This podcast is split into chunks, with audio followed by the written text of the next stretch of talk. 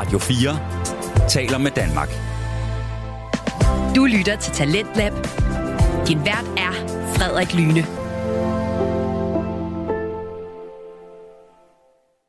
Jeg hader jo at løbe, og det er derfor også lidt hårdt at høre det her afsnit af Den Stolte Far, da det er øh, to Anders Ørberg Havs er kendt fra min sindssygt sunde familie som er gæst, og den ene vært, Magnus Hvid, som begge er fædre, ligesom mig, som bare elsker at løbe.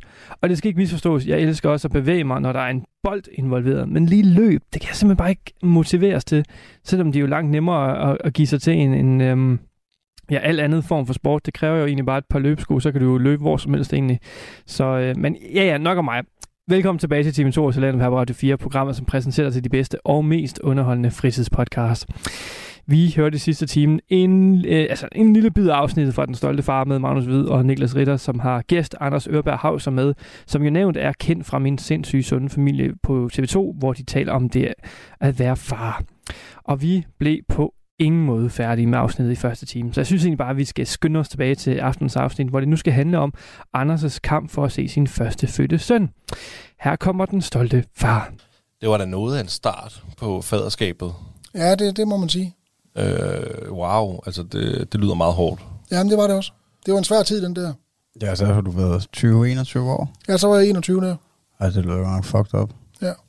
Men så får du samvær med ham. Ja, så får jeg samvær med ham, og, og, og så sker der... Øh, så i den periode får jeg jo så... Øh, øh, I løbet af hans første leveår, tror jeg, der, der finder jeg så min nye kæreste, som, som... Jeg har to børn i forvejen. Øh, og vi inden for et års tid, tror jeg, så er hun gravid. Og så øh, jeg skal vi have et barn mere jo. Øhm, og så får vi det. Og så bliver vi, vi bor i Jylland på det tidspunkt. Og så bliver vi egentlig enige om, at øh, fordi øh, den gamle skole på Nexelø, den bliver ledig. Øhm, og den øh, tænker vi, det kunne da være meget sjovt at prøve at smide alt, hvad vi har i hænderne, og så flytte til en lille bitte ø med 20 indbyggere. så flytter vi derover. Øhm, og øh, det var måske ikke det helt rigtige set i bagspejlet, fordi at jeg, jeg skal jo ud og arbejde for at tjene penge, og min kone, øh, kæreste, vi bliver så gift også, øh, men så kone, hun øh, er sådan ikke så meget naturmenneske, så, øh, så hun keder sig lidt derovre. Og det er stort set kun gamle mennesker, der er derovre, så på en eller anden måde, så, øh, så fordi jeg er så meget væk, og fordi det, jeg ser heller ikke rigtig ret meget børnene, fordi jeg arbejder hele tiden for at tjene penge til det her foretagende. Øh, og på en eller anden måde, så går det lidt galt i vores forhold, på grund af alle mulige ting, og ender så også med en skilsmisse til sidst. Øhm, hvor jeg så finder et lille bitte hus i Følgenslev, kort, øh, kort, altså ikke ret langt væk fra det, hvor man sejler til for at komme til Nækslø. Og så flytter jeg ind der sammen med øh, ham, den nye søn, jeg så har fået sammen med min nye kone der. Øhm, og hun flytter tilbage til Jylland. Og så bor jeg så der alene med, med ham, og har min store søn øh, på fast weekend hver anden weekend. Hvordan var, hvordan var det for dig at lige pludselig at blive øh, alenefar der? Var det en hård opgave? Det synes jeg ikke. Det gik øh, nærmest af sig selv. Øhm, det, jeg havde nogle gode venner til at hjælpe mig, og, øh, fordi der er jo noget med, at for, når man skal aflevere og hente og alle de her ting, og få det til at passe. Og min søster hjalp mig rigtig meget også, hun boede tæt på, og, og så fik vi det egentlig til at virke. Øh, jeg synes, det var meget naturligt. Man kan sige, at ulempen var måske, at vi var jo så to drengerøve, der boede sammen. Og det blev måske lidt for hyggeligt. Fordi han blev jo større og større, og der var ikke ret mange regler, og vi, vi gjorde egentlig, som, som vi mere eller mindre havde lyst til. Så der var ikke så faste rammer. Var det noget, du kunne mærke på ham? Ja, det synes jeg, jeg begyndte at kunne, da han, da han sådan blev større. Øh, vi boede øh, sådan set alene sammen indtil, indtil han var 10 år gammel. Og så fandt jeg min nye kone her, og vi flyttede så sammen. Men jeg skal lige forstå, altså, boede han kun med dig? Var han ikke over sin mor nogle gange? Jo, så var han hos sin mor hver anden weekend. Okay, sindssygt. Ja. Hvordan fik du... Øh, det, det er da ikke, det er da ret atypisk. Ja, men det, Det var bare sådan, det var. det passede bedst for os. Ja, At, okay. det, at det var mig, der, han boede Nej, hos. hun havde to i forvejen også. Ja, hun havde to i forvejen og var flyttet Ja, okay. til Jylland, og vi havde jo, vi havde jo noget netværk her på Sjælland, og, og det var her, han, han også havde været vant til at bo og sådan nogle ting. Så, så det, det passede bedst for os. Men det må da også være lidt rart for dig, altså ovenpå dit forrige forhold med din, din første søn. Altså, Ja, det, det var det. Så få en her på fuldtid, Ja. ja. nærmest. Ja. Men det er satme ikke tit, man hører om. Altså normalt så, jeg synes, at den gængse historie, øh, føler jeg, er, at, øh, at mor vil have mest samvær med barnet, ikke? Og, og Jo. faren faktisk tit har svært ved det. Vi har i hvert fald haft, øh, haft en anden inden, der, der, der har rigtig svært ved at se sin søn. Øh, ja. Ja. Det er fandme ikke sjovt. Ja, man kan jo sige, at det mest optimale, det er jo en 7-7-ordning For hvem? for forældrene, tænker jeg. For os for børnene måske. Altså sådan en, øh, en uge her, en uge der. Er det ikke meget godt? Mm, det kommer lidt an på, altså der er jo ikke, der er jo ikke to familier, der er ens, og man skal jo gøre det, man, man synes, man føler er det rigtige. Øhm, og der er jo ikke nogen, der skal sidde og sige til nogle andre, hvad der er det rigtige, fordi det kan man kun selv finde ud af. Øh, For os var det i hvert fald ikke det rigtige. Øhm, jeg tror på, at for vores børn har det været meget vigtigt, at, at de har en base, og et sted, hvor de føler, at det er der, de er hjemme, og så er det et andet sted, de er på besøg. Det tror jeg er meget vigtigt. Det har det i hvert fald været for vores. Ja, man kan selvfølgelig også sige, at nu din ekskone flyttet til Jylland. Det har måske også været lidt mere besværligt i form af en 7-7-ordning. Ja, det vil besværligt gøre det, men jeg synes alligevel, nu har vi så i min, i min nye familie her, øh, hun har jo to børn med, med en anden mand, og de bor ikke så langt fra hinanden. Øhm, og der fungerer det også bedst, synes jeg, ved at, øh, han, at, at de to børn er mest hos det ene sted, det er så hos os. Øhm, for jeg tror simpelthen, man kan, man kan risikere at blive lidt splittet af det der, hvis man føler, man skal give lige meget begge steder, og være lige meget begge steder, have venner begge steder, og det bliver sådan, medmindre man bor, hvis man bor meget tæt sammen, tror jeg godt, det kan fungere for nogen. At, at det giver selvfølgelig mening. Jeg kan godt se det nu. Altså, hvis man bor tæt sammen, eller samme by, eller sådan noget, det samme skole, alle de der ja. ting der, det, så ja, For det er jo heller ikke kun skolen, det kan man klare på måske, men det er jo også alle de der ting efter skole og fritidsinteresser og alt sådan noget der, der bare bliver, der bare bliver lidt, lidt sværere, tror jeg. Jeg tror også, altså helt fra børn er meget, meget små, tror jeg, at det er vigtigt, at man har en base. Jeg synes, det er vigtigt, jeg har en base. Jeg er sådan meget tryghedsmenneske, familiemenneske. Og jeg har brug for at have et sted, hvor, hvor jeg har den samme seng hver dag, og jeg har et sted, hvor, hvor jeg hører til, og hvor jeg bor. Jeg vil ikke kunne bo lige meget to steder, så helt som voksen. Og så tror jeg heller ikke, det er ret nemt for børn. Nej, det kan, du, det kan du godt have ret i. Ja, det giver også mening altså for mig, når du siger det på den der måde, Ja. at, man er, at man bor et sted og er på besøg et andet, men jeg ved ikke også, hvad jeg vil sætte mig ind i det, fordi jeg ikke selv er, er skilsmissebarn, altså, øh, men, øh, men, men det må jo være svært at skulle dele, altså. Ja. Men der, er- du har også ret, der er jo ikke nogen, der er ens, så... Men hvad, så, så finder du din nuværende kone, som har to børn, og, Ja, hun har så to børn, og, ja, og du har to børn i forvejen. og ja, ja, det har jeg så ikke mere, fordi den ene er så død i en trafikulykke, øh, da han var 8 år gammel. Øh, Okay, det, er jo- det var noget af en... Øh, ja, det var, det var lidt skidt. ja, ja, men det var, det var lidt... øh, Det kom lige bag på mig. Ja. Øhm, og det, er, det var i 2008. Er noget, du har lyst til at snakke om? Ja, selvfølgelig. Det, den første dreng, eller? Ja, den første. Ja. Fuck, hvor sindssygt, mand. Han blev 8 år. Hvad, hvad, hvad sker der? Sådan, altså, Altså, øh, han er på vej hjem fra skole. Kommer gående sammen med en, øh, en øh, klassekammerat, en pige. Og øh, han går øh, i græsrabatten øh, halvanden meter fra vejen af, ud i selve græsrabatten. Og så i et sving, der kommer så en bil med lidt for meget fart på, øh, som rammer helt ud i rabatten, og faktisk rammer øh, hende pigen der frontalt, så hun ryger fremad, og snitter kun øh, min dreng Emil der. Men, men ved at han, han, han, er, han er så langt ude, at det er hans øh, venstre kofanger, der rammer, sådan så at øh, Emil bliver skubbet ud på vejen, foran en familiefar, der kommer kørende i sine egne tanker, helt uden skyld i noget som helst, og kører hen over ham, og så dør han så der. Øhm, han havde jo ikke en chance, ham der familiefaren. det er jo... Det er jo... Øh, undskyld, jeg bliver lidt mundlam, men det, det er jo ens forældres største frygt, jo. Ja, Hvordan, hvordan kommer du igennem det? det gør man ikke. Det gør man ikke. Nej. Det, det bliver en del af mig, en del af mit liv og en del af min tilværelse. Altså, det, jeg føler fint, jeg kan, jeg kan leve et helt normalt liv nu, øh, og det har jeg egentlig også kunnet øh, ret kort tid efter. Jeg er meget åben omkring det, og har altid snakket rigtig meget om det. Øh, og jeg synes faktisk, I, I håndterer det faktisk rigtig fint, fordi der, der, det er svært for folk at, at kapere, når, når man lige bruger sig ud med det på den måde. Men jeg tænker ikke over det, jeg kommer til det, fordi at det er bare sådan en naturlig del af, af, af mig, at det er, bare, det er bare en del af min historie. Øhm, så ja. Ja, men ja, ja, det er da pænt at sige, at vi håndterer det. Jeg synes godt nok, at det var, det var nogle udmeldinger. Det, øh, ja, det, den, den er lidt hård at høre, men Nå, hvordan fanden får du, Ja. yeah. hvordan får du det videre? Jamen, øh, moren der, hun bliver jo tilkaldt, det er lige ved siden af, hvor de bor. Øh, det er mit over i Jylland, og jeg er så her på Sjælland. Når det er i Jylland, det sker. Ja. Øhm, og øhm, hun ringer til mig, og så kan hun ikke tale sammenhængende, så hun giver telefonen til en, en eller anden tilfældig, der står ved siden af, som så fortæller mig det.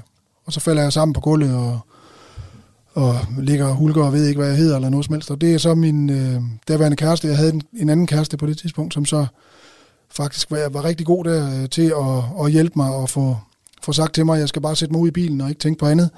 Så skal hun nok øh, lige skynde sig hurtigt at pakke en taske, og så få kørt over broen, så vi kan komme over med det samme. Min øh, lille søn, altså fire år på det tidspunkt, der er i børnehave. Øhm, og vi kører så øh, over til, til, øh, til stedet derovre. Og, øh, og han er der jo ikke, han er jo taget ind i, i, øh, på sygehuset. Og jeg insisterer på, at jeg skal ind og se ham med det samme, fordi jeg tror ikke på det. Jeg kan jo ikke forstå det. Det kan man ikke rigtig. Så jeg kommer ind på sygehuset, og, og der ligger han så inde i kapellet med et viskestykke på hovedet. Han har fået noget af baghovedet øh, er gået i stykker. Øh, og, øh, og jeg beder så de der portører og sygeplejersker om at gå ud, fordi jeg vil gerne lige være helt sikker på, fordi jeg ved ikke, der er et eller andet med, men man, man kan også se, at dyrene gør det også, øh, det her med, at man skal sådan ligesom, man skal hen og snuse, eller man skal øh, pille, eller gøre et eller andet, som man ligesom er sikker på, at, at fordi det, det virker uvirkeligt på en eller anden måde. Så jeg skulle løfte det der viskestykke der, fordi jeg var nødt til lige at se, hvad, og så blev jeg sikker på, at han ikke kom tilbage. Ikke? Øh, og det var hårdt, men jeg er glad for, at jeg gjorde det i dag. Så øh, kører vi tilbage til, til moren der, øh, og er der sammen med hendes familie og sådan nogle ting der. Øh, der er mange til at tage sig af os og, og hjælpe os i alt det her. Men min søn, han er jo så stadigvæk på Sjælland, og på vej, nogle af mine kammerater har taget ham med over øh, på vej med færgen, øh, fordi han skal også til Jylland, jo selvfølgelig over til mig. Øh, og han kommer så over til os, og møder, vi møder ham øh, på, på havnen oppe i Æbeltoft. Og øh, så fortæller jeg ham, hvad der er sket. Og øh, jeg bryder jo grædende sammen foran ham, og han har aldrig set mig græde før, fordi jeg er sådan lidt, lidt gammeldags opdraget og, og det her. Og, øh, og det bliver han måske en lille smule chokeret over, fordi at far har samtidig sagt, at han var ked af det, men han har aldrig nogensinde vist det. Så det, det er jo noget af det positive, vi også har fået ud af det. Vi har fået et meget tæt forhold, fordi vi har, vi har blevet bedre til at vise følelser. Og en fireårig har altså ikke det samme problem med døden, som, som vi har. Så øhm, han startede med at sige, at han ville ind og se ham med det samme. Øhm, og det sagde jeg nej til i første omgang, på den måde. Jeg sagde, vi sover lige på det, og så øhm, hvis det stadigvæk er sådan i morgen, så snakker vi om det igen. Og han var lige så insisterende dagen efter. Og der var mange, der rådede mig til at, at lade være med det, og mange, der sagde, at det, små børn, de kan ikke kapere det, og det skal man ikke, og så videre, og så videre. Og jeg valgte at gå med mavefornemmelsen og sige, at altså, han er så insisterende, så selvfølgelig skal han se sin storebror, det er klart. Så kommer vi ind i kapellet, og han kigger på, øh, på sin storebror og siger, det er jo ikke Emil. Emil han er deroppe, og så peger han op i luften. Det der, det er bare hans krop. Jeg skal ikke huske, om man siger krop, men han siger i hvert fald, det er ikke Emil. Emil han er deroppe. Øh, og så går han hen, som det aller naturligste i verden, og går hen og tager hånden på ham og, og kysser ham på kinden og sådan noget, og siger farvel, og så går han igen. Han er ikke engang specielt ked af det der. Fordi det er for ham naturligt. Han har ikke lært at få det der store tabu, som, som alle voksne i vores del af verden har til, til død. Øhm, som jo faktisk er noget af det allermest naturlige, der overhovedet findes. Selvfølgelig er det tragisk, men det er bare ikke unaturligt. Og vi vil alle sammen på en eller anden måde opleve det og komme tæt på, på døden. Så er det bare uheldigt, når det sker alt for tidligt nogle gange. Jamen, det der, det, det er jo... Øh, jeg, skal lige, jeg skal lige finde ord her, men, Ja, det- men altså, jeg tænker, det, det, er jo- det, er jo altså, det, det du fortæller lige det, det sidste med din søn, det er jo smukt mm. i forhold til den her kæmpe tragedie her. Ja. Ja, og det har hjulpet mig rigtig meget også bagefter. Fordi jeg, øh, som sagt, jeg har ikke været ret god til at vise følelser og snakke om følelser, men det lærte jeg jo også af ham. Øh, fordi han satte jo bare ord på tingene, og det gjorde han også bagefter. Vi blev så i Jylland i en 14 dages tid, sammen med, øh, med morens familie der, og fik styr på, de, på alle tingene, og fik grædt sammen, og, og ligesom den der soveproces, som jeg også tror er rigtig vigtigt at komme igennem og give sig god tid til, øh, gjorde, at jeg faktisk følte, da jeg kom hjem igen, kunne jeg allerede med det samme starte et forholdsvis normalt liv. For sørgede for at komme hurtigt i gang med at komme på arbejde igen. Øh, fik gang i en hverdag, og, og ja, som jo nok også er en af grunden til, at jeg godt kan lide at løbe ultraløb nu, er jo det her med, at, at som jeg lærte, nok også har lært af min far, det her med, at hvis noget er svært, hvis man synes, at øh, konen er sur derhjemme, eller man har, ikke har penge nok, eller der er et eller andet, man, man går og ked af, eller træt af, bare stå op og kom på arbejde, pas dine ting, gør det, du skal hver dag. Du, det er ikke altid, man ved hvorfor, men bare kom afsted og få det gjort. Fordi så, så klarer tiden et eller andet. På en eller anden måde, så er der noget, noget hverdagsrutine, der, der, der kan hjælpe en. Og det samme er det jo også, øh, når man er ude og løbe de der lange ture. Ikke? Der er det jo også, bare gøre det, bare tage et skridt mere. Du skal bare hen til næste træ, du skal bare hen til næste bakke. Så, så ser man ikke hele det store samlede billede. Og det, det tror jeg er noget af det, der har, der har hjulpet mig. Jamen, jeg, altså, jeg, jeg synes også, det var, jeg synes, det virker som en rigtig beslutning at lade din søn se, øh, se Ja. ja. øh, storebror. Øhm, Jeg har heller aldrig været i tvivl nej, om det. det, altså jeg, for mit vedkommende, mine forældre har altid, når der har været dødsfald i vores familie, som har været tæt på, øh, altid sagt, at vi skulle sige farvel. Ja. Altså, så det ved, det ved farmor og, og farfar og morfar, som er gået bort. Øh, dem kysser vi på kinden, da ja. De lå der og var, øh, var rodet i himlen. Altså, det, det synes jeg også er, er naturligt. Jamen, øh, vi har jo også vi har haft nogle hunde, hvor to af dem er så døde nu. Vi har en hund mere. Og efterhånden som de hunde er, er døde, har vi også fået de andre hunde til ligesom at gå hen og snuse. Og det er ligesom, de har virket restløse, indtil de har været hen og snuse. Så går det over. Så er det ligesom, de, så falder de til ro. Så har de forstået, øh, at nu har vi sagt farvel på en eller anden måde. Det tror jeg er, er meget universelt, faktisk. Tror du, at, øh, at, at det havde nogen betydning, at du havde andre børn i forhold til at komme videre og ligesom være nødt til at, øh, at, at ikke grave dig ned i, i et eller andet hul? Altså hvis du, hvis du kun havde haft ham, tror du så, du havde været mere tilbøjelig til at gå helt ned med fladet? Ja, det tror jeg. Ja. Og det er igen det her med den hverdag.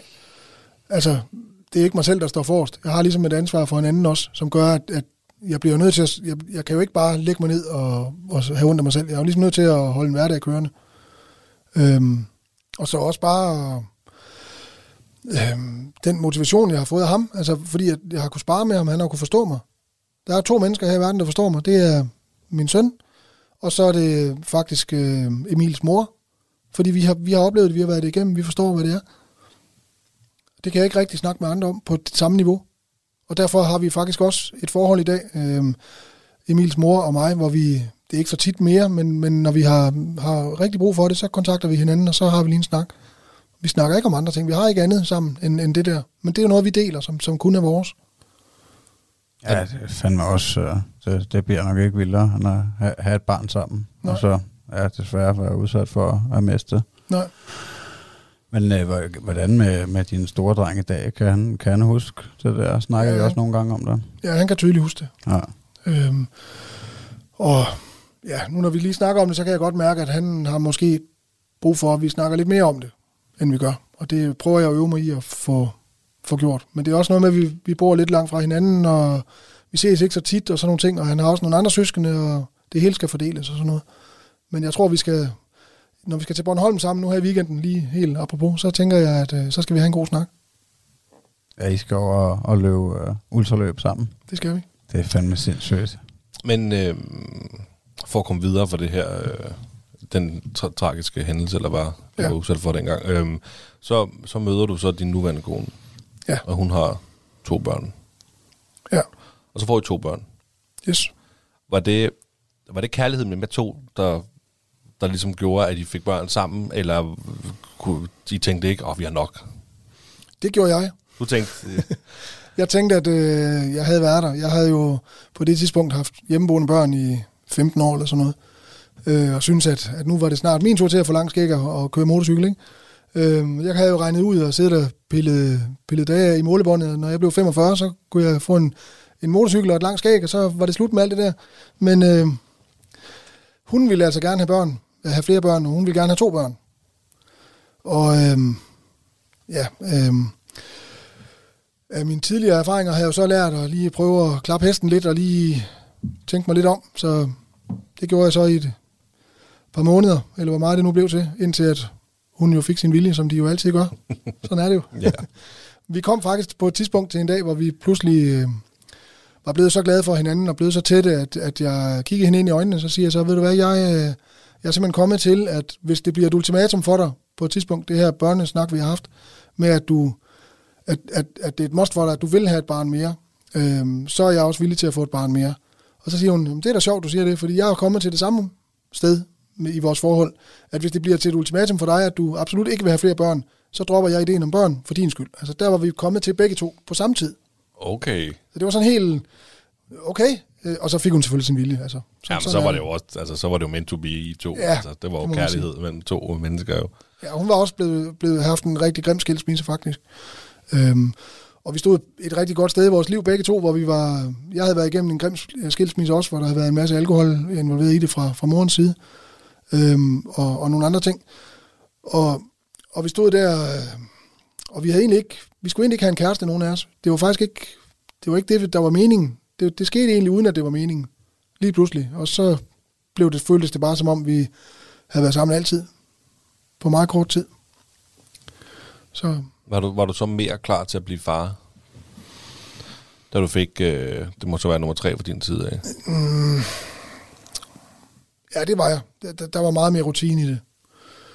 Og så øh, havde vi en stabil base, fordi vi havde børn i forvejen, der boede hos os, og vi havde ligesom fast i, fat i nogle sådan faste rutiner og faste rytmer. Og vi stod op på samme tid hver dag, og vi smurte madpakker, og vi fik aftensmad til, på samme tid hver dag. Altså, der var ligesom sådan en, en rutine, der kørte. Så det var bare at køre, køre to børn videre igennem møllen, den samme mølle. Øhm, og de har jo så overtaget øh, køjsengen fra de andre, og cyklerne fra de andre, og så videre, og så videre. Ikke? Altså, så det er ligesom, det er bare kørt, kørt videre. Og nu er de større, end hendes to børn var, da, da vi mødte hinanden. Så, og nu har jeg regnet mig frem til, at når jeg så kan få lang skæg og motorcykel, så er jeg over 60. Der er lange udsigter. Ja, Ja, men der er jo heldigvis øh, gode odds for at blive rigtig gammel i dag. For, ja, problemet er bare med alle de børn, jeg har sat i verden, så har jeg jo så mange børnebørn, så jeg får ikke noget frihed alligevel. Men det er da også skønt. Altså bare tænk, når den Ja, ja, dag kommer, ikke? det er ja, det. så kan du køre rundt og besøge dem på motorcyklen. Ja. Du lytter til Talentlab på Radio 4. Vi er i gang med aftens time 2 her i Talent på Radio 4. Det program, som giver dig mulighed for at høre nogle af Danmarks bedste fritidspodcast. Og vi er i gang med at høre samtalepodcasten Den Stolte Far med Magnus Hvid og Niklas Ritter, som taler med gæst Anders Ørberg Hauser, kendt fra Min sindssygt sunde familie på TV2, om det at være far til en blanding af egne og sammenbrægte børn. Og vi skal nu høre om det at være bonusfar, så lad os øh, ja, egentlig bare vende tilbage til podcasten. Her kommer Den Stolte Far. Hvordan, øh, hvordan var det så for dig at blive bonusfar? Det har altid været meget naturligt for mig. Mm. Der har ikke været, der har ikke rigtig været, altså det er jo løgn at sige, at der ikke er forskel, for det, det er der på en eller anden måde. Der er, der er en anden samhørighed med ens egne, øh, for mig i hvert fald. Øh, det har der været. Men, men, men det er ikke noget, der har været øh, udtalt så meget, at jeg tror, man kan se det eller opdage det i hverdag. Det har ikke været sådan noget med, at, at jeg måtte ikke skælde hendes børn ud, fordi at, øh, det skulle mor gøre og sådan noget. Altså det har været helt lige. Det har været ens. Der har ikke været nogen forskel på det. Hverken i det første ægteskab eller det andet. Det har bare været noget, vi var fælles om. Ligesom det var også lige meget, hvem der tjener flest penge og sådan noget. Det var vi også bare fælles om. Det er jo det samme. Men det er jo rart, det er jo sådan, det skal være. Ja. Og så kan man sige, at en af de helt store bonusser i det nye ægteskab her, er også, at vores moral i forhold til børn, altså med, hvordan de skal de opdrages, og hvad, hvad for nogle ting er vigtige for os af værdier, som at give videre til dem og sådan nogle ting, der er vi meget, meget ens.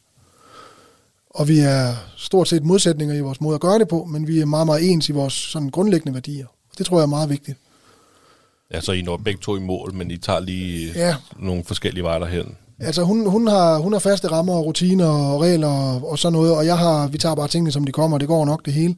Og det gør jo, at alle de ting, der så alligevel vælter, når, når, når, når øhm, det ikke går helt, som man havde planlagt det, øh, de bolde kan jeg jo så samle op. Men det, det er jo ikke ret tit, fordi hun har jo styr på, hun har styr på det, så derfor så, så det virker meget bedre, end at stå alene med det.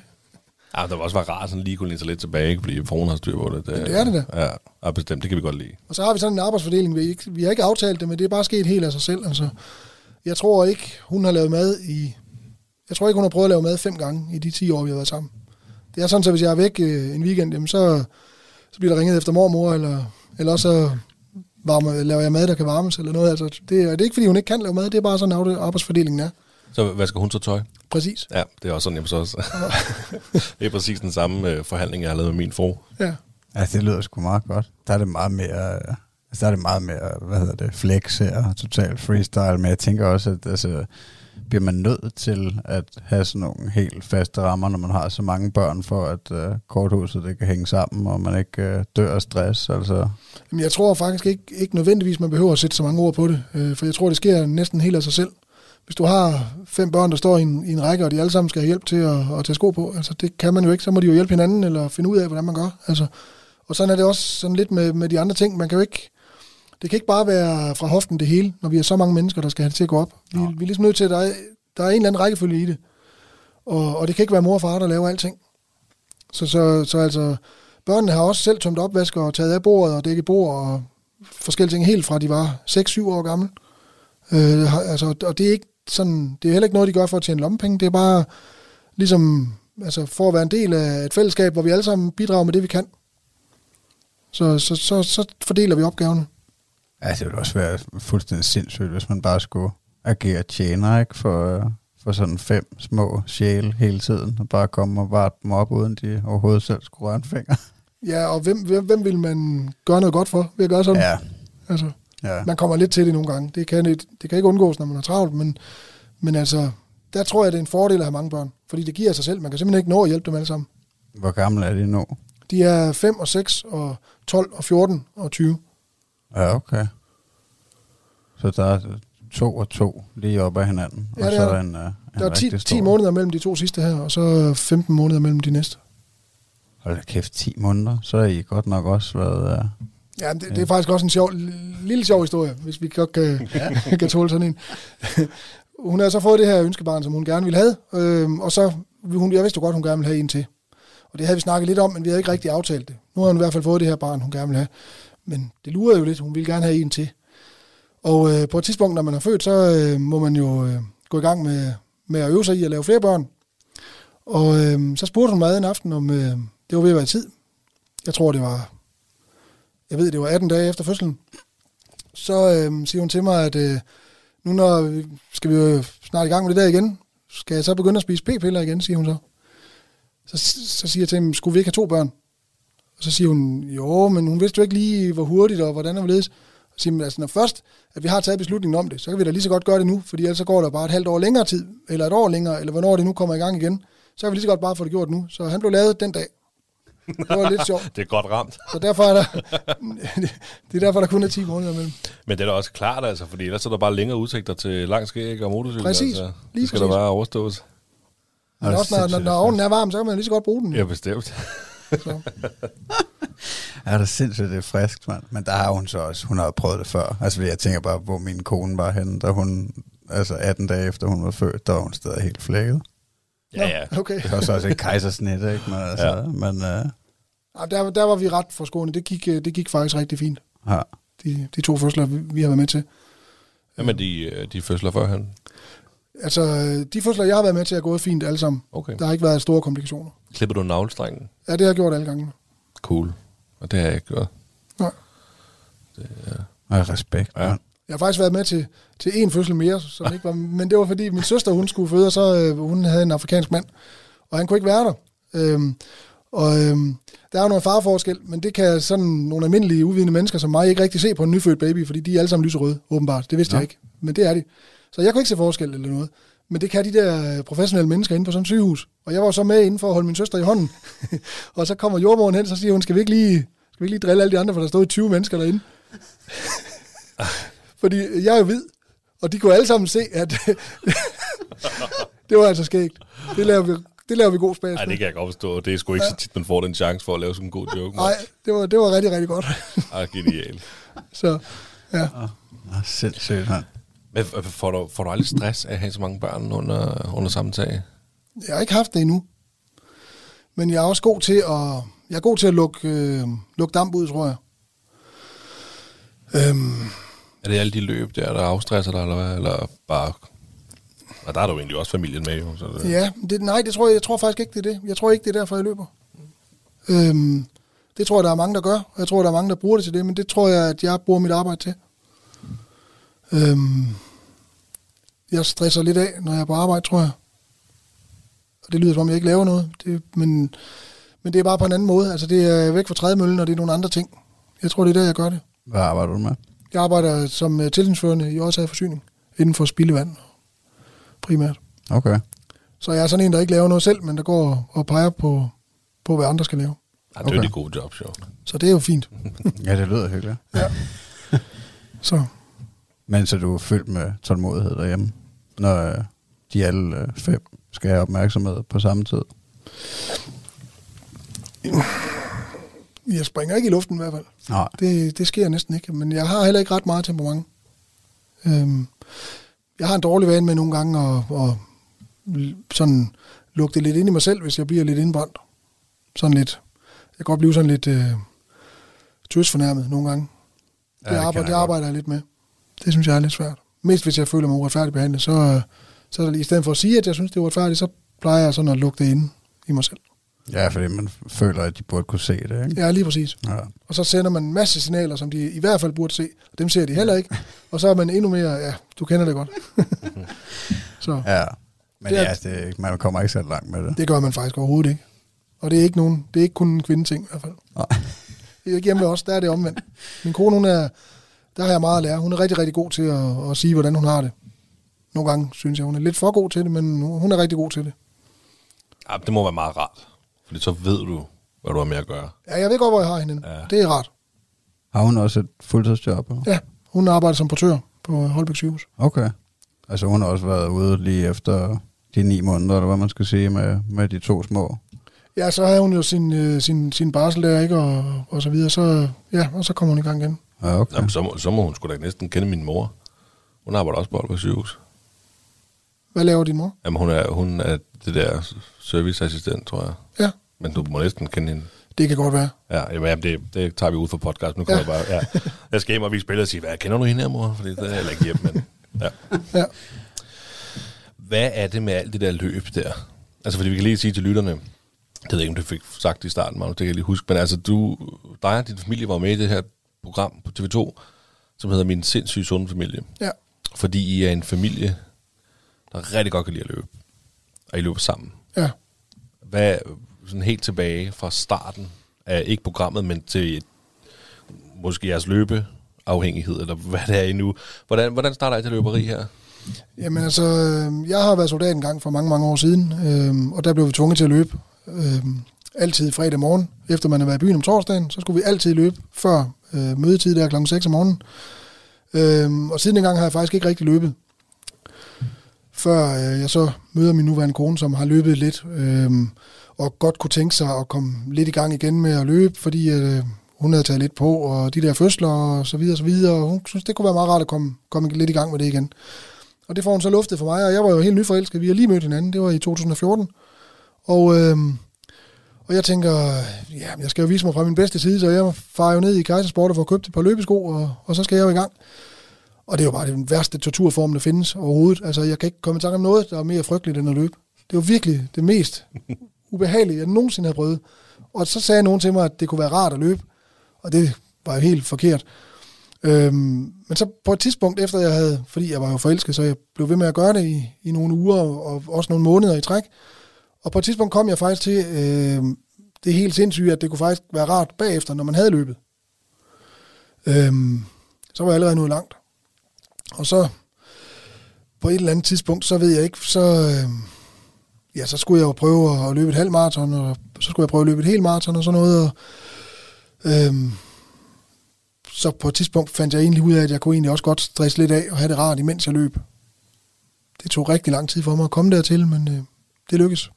Og nu kan jeg ikke lade være. Nu kan jeg simpelthen ikke lade være. Er det hver dag? Ja, Jeg løber hver dag. Hvordan, hvordan, hvordan får du tid til det? Jeg tænker, der er, nogle, der, er- der er noget, der må prioriteres i, i din hverdag. Jamen altså, det, det, det lyder... Det lyder ekstremt at sige, at man løber hver dag. Og, og det er også fordi, det er ikke, det er ikke sådan næsten hver dag, eller sådan, så har man lige influenza, eller corona, eller et eller andet, eller sidder fast i en lufthavn, eller noget, eller... Jeg har også løbet på Oslobåden, fordi at den blev forsinket på grund af dårlig vejr, så vi nåede ikke i havn. Så må man jo løbe frem og tilbage på båden, altså fordi det er ikke næsten hver dag, det er hver dag, uanset hvad. Og det er måske det, der er det ekstreme. For det der med at afsætte et kvarter til at løbe en lille tur hver dag, det er vel ikke anderledes end at have hund. Altså, Nej, det er rigtigt. Sådan, det, det, så, så det skal man huske. Altså, det er ikke mere, nu, nu har jeg lavet lidt om på det, men de første øh, fire år, jeg har løbet hver dag, der har jeg haft en streak, som har heddet minimum en mile. Og det tager altså 10 minutter. Så, så, så, så det, øh, det kan alle altså finde tid til. okay, ja, det, okay, det kan jeg faktisk godt lide. Det, der. Det, øh, det er jo rigtigt, hvad du siger. Ja, Ja, det er jo ikke sådan, at du løber et ultraløb hver dag. Jo. nej. Nej, nej, fordi altså, herren herover, Magnus, ved, det er jo ikke bare lige, jeg kunne lige løbe en mile. Altså, du, du, du skal jo nærmest løbe en halvmarathon hver dag for at blive rigtig tilfreds, ikke? Altså, Ej, det er, altså, det er jo også... Jeg, altså, jeg havde sidste år, der løb jeg hver dag. Der havde jeg sat det som et mål også, at jeg skulle løbe hver dag. Nu, nu løber jeg nok mere næsten hver dag, altså med et par enkelte undtagelser. Men, øh, men, men der havde jeg også, altså, ja, de der ja, minimum en mile eller to kilometer, der kan jeg ikke huske, hvad fanden jeg satte, men øh, der er også masser af 5 kilometer jo, altså, så det er jo ikke... Øh, det er jo ikke sådan, så, så altså, tit så er det jo bare 20 minutter og en halv time, ikke? Det er jo ikke Nå, nej, ja, men du, du fik det jo også sat ind i sådan, at du i stedet for at tage toget her fra den her by, så løb du Ja. til den by ved siden af. Nu kan jeg ikke huske, hvor langt der er til Valsø herfra, men øh, der løb du om morgenen for, for din løbetur. Det er jo også en måde at prioritere det på. Ja. Men det er bare sådan en, sådan en distance, der netop tager tid, Ja. synes jeg. Altså, men det der med at løbe en mile om dagen, det er jo... Men, men, men det er jo også, nu lyder det også som om, at jeg næsten ikke har løbet, fordi at, nej, det er nej, ikke jeg- så tit, jeg har kun har løbet en mile. Ej, jeg er men, godt klar over, at øh, pointen er, at altså, det er minimum en mile. Ja. Og, og sådan en, en buttet gut som mig, kan jo godt det tænke, at det er jo faktisk rent nok. Det går, man skulle starte sådan et sted, hvis man nu skulle løbe. Ja, så kan du starte med at skiftevis gå og løbe, og bare love dig selv, at du skal øh, bevæge dig en mile om dagen mm. til at starte med, indtil din krop er blevet klar til at løbe. Fordi det er hårdt for, for mennesker, øh, som ikke har bevæget sig nok i mange, mange år, lige pludselig at gå i gang med at løbe. Det er meget, meget hårdt for kroppen. Ja, men jeg, altså, jeg har faktisk øh, i, i vores podcast her, øh, uh, det, var, det var før jul, Ja, september. ja, september øh, sidste år, der, øh, vi har et segment, der hedder segment sund far, fordi jeg er lidt overvægtig, måske lidt meget overvægtig, og vi prøver at sætte fokus på det her. Og Magnus, han er jo, altså, hvis, han er jo super inspiration til i hvert fald at blive få motioneret. Øhm, og der, jeg har ikke løbet i mange år. Jeg har spillet fodbold rigtig mange år, men efterfølgende har jeg taget meget på, og har ikke løbet. Nej. Så det var nemlig rigtig hårdt at prøve at gå i gang igen. Men det er også fordi, så tænker man, at man skal da løbe øh, et eller andet øh, fornuftigt tal, så skal man løbe 5 km eller et eller andet. Ja, præcis. Og, og, og man går fuldstændig i stykker og gør det aldrig mere, fordi det er jo frygteligt. Altså, det føles jo, det er jo tortur. Det, det synes jeg Ja. virkelig. Altså, det var sådan noget, jeg var jo stolt, hvis jeg kunne løbe. Jeg kunne, første gang, jeg løb en kilometer uden at stoppe, en kilometer, eller hvad det hedder, mm. øh, der var jeg også stolt. Ikke? Og jeg, jeg havde sat mig et mål for, i, det var så i år, at, øh, at jeg skulle løbe 5 kilometer uden at stoppe. Og det endte jeg faktisk med. Jeg endte faktisk med at løbe 7 km dengang. Det var i, tilbage i februar. Ja. Der løb jeg 7 km uden at stoppe. Jeg tænkte, kæft, hvor var jeg stolt, ikke? Mm. Så stoppede jeg med at løbe. Ja, for så er der noget målet. Ja, det var simpelthen så åndssvagt. Nu vil jeg at begynde lidt igen. Men øh, ja, Men altså, øh, jeg vil sige, at den der løbestreak, som det hedder, den, den har hjulpet mig med, at, og ligesom de der, dage, de der måneder, hvor motivationen ikke er der, at så får jeg da i hvert fald løbet min streak. Hvis Ja. ikke jeg har motivation til at løbe de lange ture og sådan noget, så får jeg da bare løbet en lille tur hver dag. Og det gør jo, at der ikke kommer 14 dage i træk, hvor jeg slet ikke har løbet. Altså, Det sker ikke. Det, det, det, det, det, det er jo faktisk øh, det er motiverende, det du siger der. Ja, Men og det det er- virker. Men det er også det, det kan være tilfredsstillende, synes jeg ikke, når man, altså, man faktisk ikke har rigtig lyst, og man synes, det er tortur, men mm. man så bagefter er kommet igennem det, og man har gjort det, så føler man sig lidt sejre. Ikke? Man er sgu da, også, man er sgu da lidt øh, badass, når man har så gjort det, ikke? Altså, specielt på de dårlige dage. Det synes jeg. Ja. Hvor- Hvordan endte de så med at blive sådan en løbefamilie? Jamen så, øh, så greb det lidt om sig, som det jo tit gør for os mænd, når vi får en eller anden ny interesse, så, øh, så fylder det jo måske mere end godt er i et stykke tid, og så nogle gange dør det, og nogle gange holder det ved, og det holdt sig ved her. Og det har ikke været min skyld, det holdt ved, tror jeg. For jeg har sådan lidt tendens til, som, som jeg tror mange mænd har, det her med, at så skal vi til at køre med fjernstyret bil, så skal vi til at køre på motorcykel, så skal vi flyve, så skal vi gøre dit og datten, og det gør man i et stykke tid, indtil at interessen er daler lidt, eller indtil man har fået bygget det der projekt, man nu har den der carport, man skal lave, eller hvad det nu er, så holder det op med at være interessant bagefter. Øhm, der var det så, at resten af familien holdt mig lidt i gang, og holdt mig op på det, fordi min kone er sådan en, der ikke går i gang med så mange nye ting, men når hun endelig går i gang med et eller andet, så er hun også god til at holde fast i det, og sige, vi skal ikke lave for meget, fordi så kører vi sur i det, vi skal bare lave lidt, og så blive ved med det. Øhm, og så er det jo det sjove med børn, at, at børn, de, de gider jo aldrig gøre det, vi siger, de skal gøre. Det har de jo ikke lyst til. Hvis det er vores idé, så vil de ikke gøre det. Men hvis vi lader være med at bede dem om det, men bare gør, bare gør det selv, så kommer de jo med, så vil de jo være med. Fordi vi er jo sociale væsener alle sammen, det er børnene også. Så de kommer efter os, de vil gerne være ligesom os, de ser op til os jo. Så hvis de ser, at vi løber hver eneste dag, og vi bliver glade, og vi bliver motiveret, og vi synes, vi er lidt sejere, når vi lige har fået gjort, gjort det på en grå dag, jamen så vil de sgu da også have det. De vil da ikke stå og se på, at vi har det fedt, og så de ikke får det. Så derfor så øh, er de med, altså og har faktisk... Og nu går det så den anden vej igen, fordi nu er det dem tit, der motiverer mig til, når jeg har det lidt, hvor jeg tænker, ah, skal jeg ikke stoppe det der streak fees der, for det er sgu lidt noget, det er lidt noget pjat, altså det, nu har jeg løbet fem år, til november her, så har jeg løbet fem år i træk. Øh, Hver dag. hver dag, ikke? Hold da op, mand. Øhm, og, øhm, og jeg tænker, skal jeg ikke stoppe med det, det er jo noget pjat. Altså, men så ser jeg min, min knæk der på, på 12 år nu, som startede sin løbestreak, da han var 8. Han løber stadigvæk hver eneste dag, og kommer op de dage, også når han er hjemme ved sin far. Der var en dag, hvor, hvor han, øh, øh, og i øvrigt også, når han er på hyttetur med skolen og så videre, så, videre, så har han sit øh, løbeur med, og så skal han ud og løbe. Så, øh, så må de andre bare, så kan han ikke lege med kammeraterne, fordi så skal han lige ud og løbe en lille tur. og han løber rigtig mange af de der helt korte en miles ture. Men det holder ham fast i det, og han, altså, han er glad for det, og han er stolt over det, og, og han har opnået nogle, nogle store mål igennem det der løb der, som, som jeg er, er vildt stolt over, at jeg har været med til at, at give ham. Du lytter til Talentlab på Radio 4. Vi er stadig i gang med anden time af Talent på Radio 4, og vi er lige nu i gang med at høre samtale-podcasten Den Stolte Far med Magnus Hvid og Niklas Ritter, som taler med gæst Anders Ørberg Hauser, kendt fra min sindssygt sunde familie, om det at være far. Og vi skal nu høre om en af Anders' mest stolte øjeblikke, da hans søn Theodor på 10 år gennemførte et maraton. Det lyder bare sådan helt vanvittigt at sige en 10-årig, der gennemførte et maraton, men det, det, det skete åbenbart. Så lad os bare så vende tilbage til podcasten og høre om det. Her kommer Den Stolte Far. En af de største oplevelser, jeg har haft i de sidste efterhånden mange år, det var, da, da Theodor øh, han løb sin, sin maraton, da han var 10 år gammel. Øhm, Hold da kæft, hvor, hvor uhørt er det. Jamen, og, og det vi var lidt bange for det, fordi, og det gjorde vi så efter, vi havde deltaget i det her program, fordi hende der Bente Klarlund, forskeren, hun øh, øh, har overbevist os om, at der er ikke noget galt i at lade børn løbe. Og der er så lidt galt med det, at faktisk, øh, alle ved jo, at det er sundt for børn at bevæge sig. Men specifikt løb, fordi det er en vægtbærende sport, så øh, styrker den børnenes knogler. Vi har fået dexter-scannet alle børnenes knogler, og, og de har stærkere knogler end, end andre børn.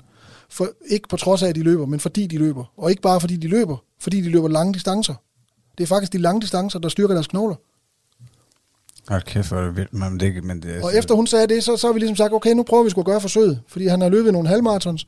Og så tænker vi, nu, han ville så gerne løbe en hel maraton. Han sagde til mig, at må jeg ikke løbe en hel maraton? Og så siger jeg, det, det venter vi lige med. Jeg skal lige være sikker på, at det der forskningshalløje inde på øh, Rigshospitalet, det, vi, fik, vi blev testet med blodprøver og alt muligt igennem det program der. Og de viste, at øh, og vi fik grønt lys derfra, til at vi kunne gøre, ligesom vi ville. Jo mere er bedre. Løb er godt, meget løb er bedre. Det kan ikke blive for meget, særligt når man er barn. Det er simpelthen noget af det allerbedste, man kan gøre. Og jeg har jo hele tiden, og jeg blev så glad, fordi jeg har jo hele tiden tænkt, jeg ved ikke, der er ikke ret meget forskning på børn og løb.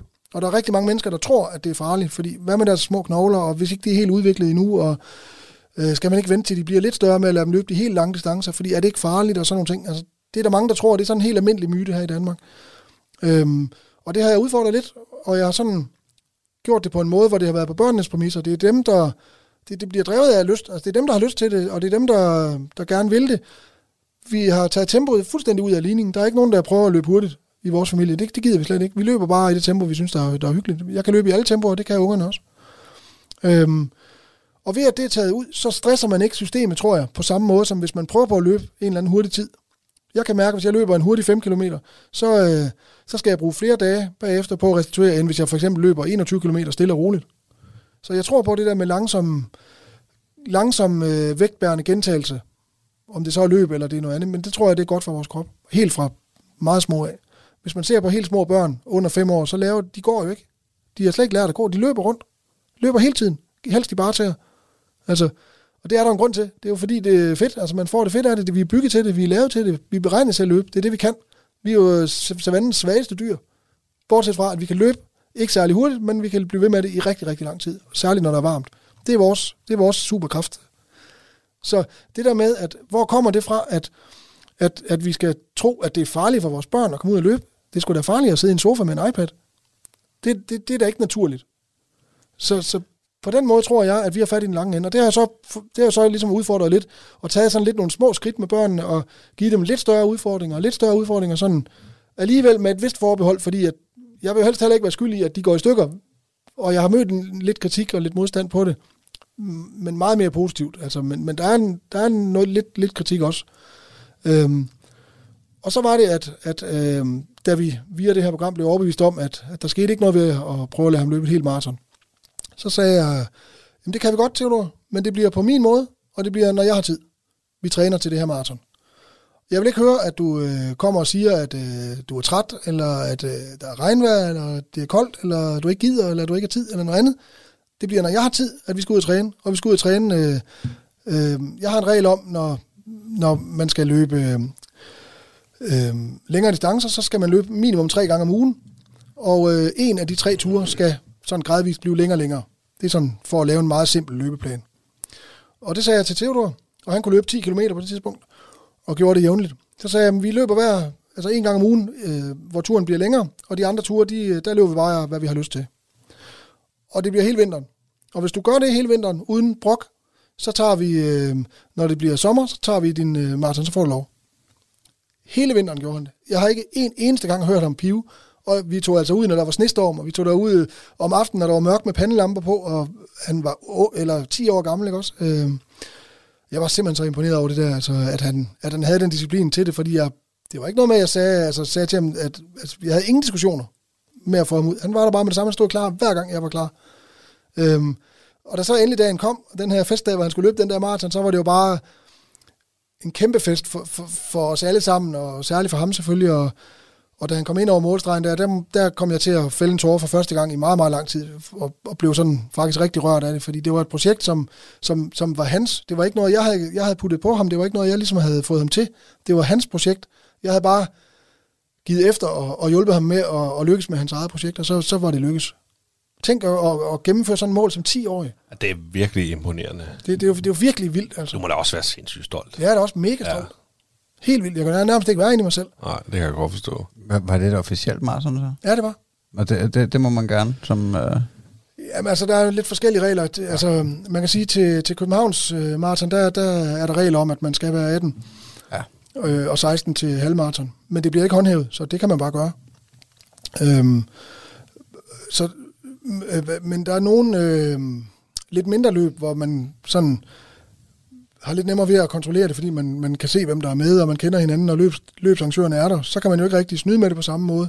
Og der skal man finde nogle løb, hvor de, hvor de accepterer det. Og det her, det her løb, det var noget, der hedder Midi Marathon nede i Sorø, hvor, øhm, hvor jeg snakkede med ham, Michael, om det, som, som står for løbet, og han sagde egentlig, at han normalt havde sagt nej, han faktisk sagt nej til en del andre, øhm, når de havde, havde haft, haft børn med til at løbe de der lange distancer, fordi at øh, han vidste ikke selv nok om det, og han turde ikke at tage ansvaret. Nej. Men lige præcis i vores tilfælde, fordi han vidste, at vi havde taget det så seriøst, og vi havde gjort det så ansvarligt, synes han, så, så ville han godt gå med til, at vi gjorde det.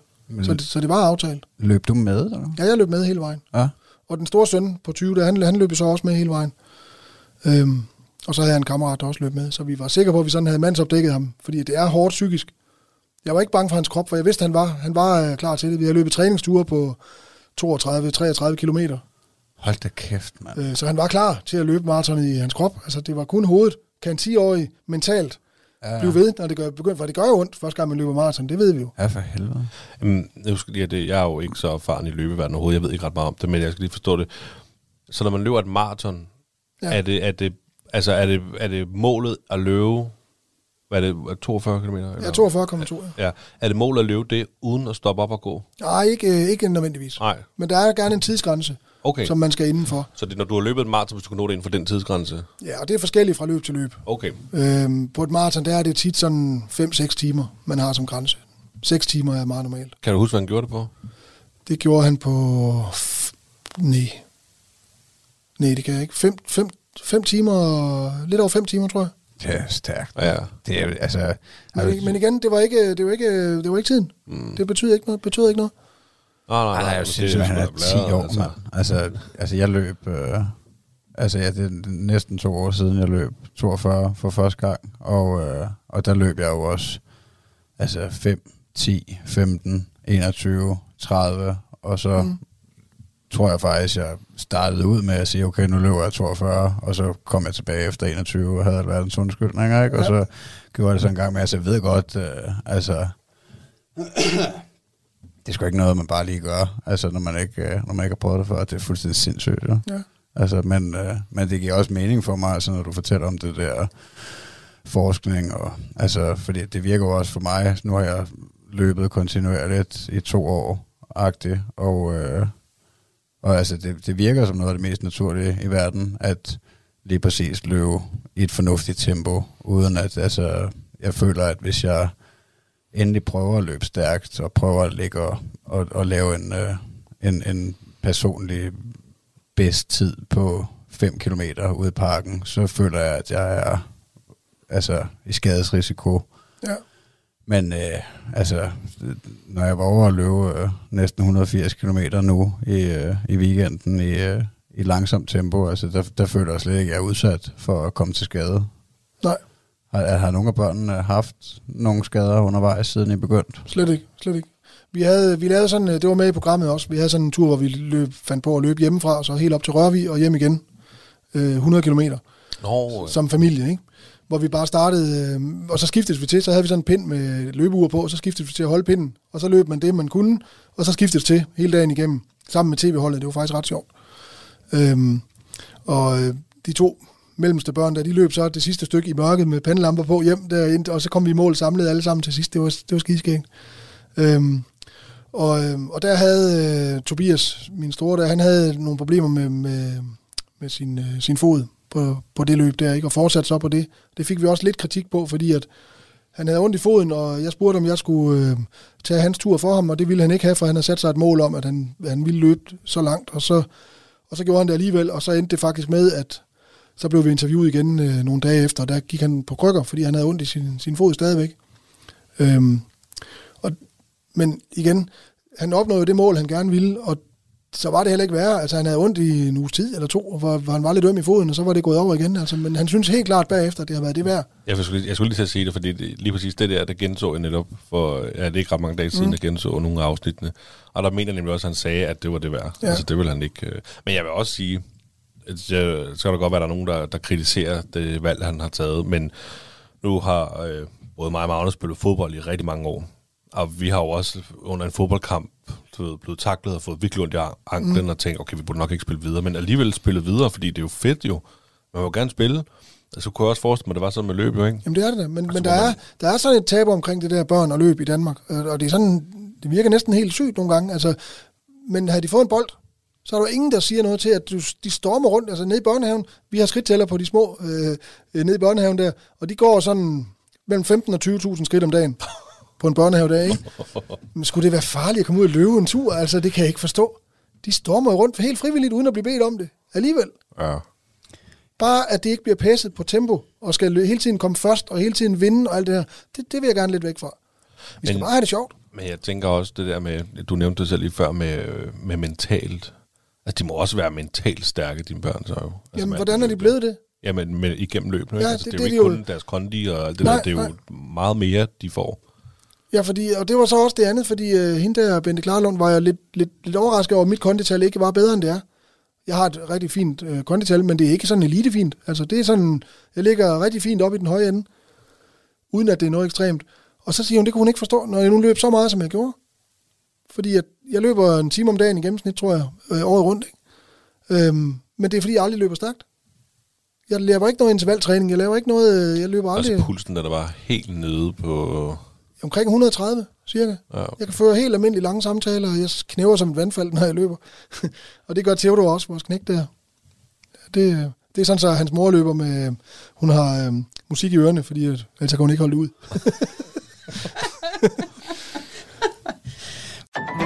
Du lytter til Radio 4. Du lytter til Talentet på Radio 4, og ja, vi er så ved at være ved enden på aftens program. Vi har lige netop hørt en rigtig god bid af et afsnit fra samtalepodcasten Den Stolte Far med Magnus Hvid og Niklas Ritter, som talte med Anders Ørberg Hauser, som nok bedst er kendt fra programmet Min sindssyge sunde familie på TV2 om det at være far. Og ja, det var jo ikke slutningen på afsnittet, men vi er løbet tør for øh, tid her til aften på Talentlab, så hvis du undrer dig, hvornår og hvor du kan høre resten af det her afsnit, så kan jeg lige tease for, at øh, vi sender det i morgen aften kl. 22 øh, i time 1 af Talentlab. Så det skal nok komme. Du skal bare lige væbne dig lidt med tålmodighed, og så kan du gå og gruble lidt over, hvad, hvad må det kommer til at handle om. Øh, men altså, det er altså i, i, i morgen, at vi, vi fortsætter med det. Og jeg, jeg vil gerne lige vende tilbage til den der historie om, om Anders' øh, søn, øh, Theodor, der er på 10 år, som gennemførte en maraton. Jeg synes simpelthen, det er sådan en helt vanvittig tanke, at en 10-årig dreng bare løber 42 km. Nu siger jeg bare, det er selvfølgelig ikke bare noget, man gør. Han er selvfølgelig trænet op til det og, og motiveret på den måde, men jeg synes simpelthen, det er bare, det, det er helt, altså når man tænker tilbage på, hvad man lavede som 10-årig øhm, selv. Altså sådan, det, jeg, jeg husker ikke, jo, jeg kan huske, man var aktiv, og man synes, det var fedt at være ude, og, og så videre, men det der med bare sådan at sætte sig for at løbe 42 km, altså også bare det der, hvis, hvis, man, hvis jeg skulle gøre det, og nu bliver det nævnt, hvor lang tid det tager, det tager jo mange, mange timer, altså altså, så kan man sige, at man kan bare løbe med sine tanker. Man, man, man kan også med det med at finde musik eller podcast og sådan noget. Det er sagt med meget. Altså sådan, man skal være på i hovedet også mentalt. Øhm, så, så, så, jeg synes bare, det lyder, det lyder helt, øh, helt vanvittigt, at en 10-årig kan gøre noget, som jeg slet ikke kan motivere mig selv til i øjeblikket. Men altså, kan du til det. Jeg synes virkelig, det er sejt. Nå, udover den stolte far, så hørte vi også fra den naturvidenskabelige podcast En ting i gang med, øh, med Vilas Jacobsen og Tobias Bjerg, som talte om hullet i ozonlaget tilbage i 80'erne. Du kan finde flere afsnit fra begge fritidspodcasts ind på din foretrukne podcasttjeneste, og alle Radio 4's programmer kan du finde ind på vores hjemmeside og i vores app. Nu er det tid til nattevagten her på kanalen. Mit navn er Frederik Lyne. Tak for denne gang. Vi høres ved. Du har lyttet til en podcast fra Radio 4. Flere episoder i vores app, eller der, hvor du lytter til podcast. Radio 4 taler med Danmark.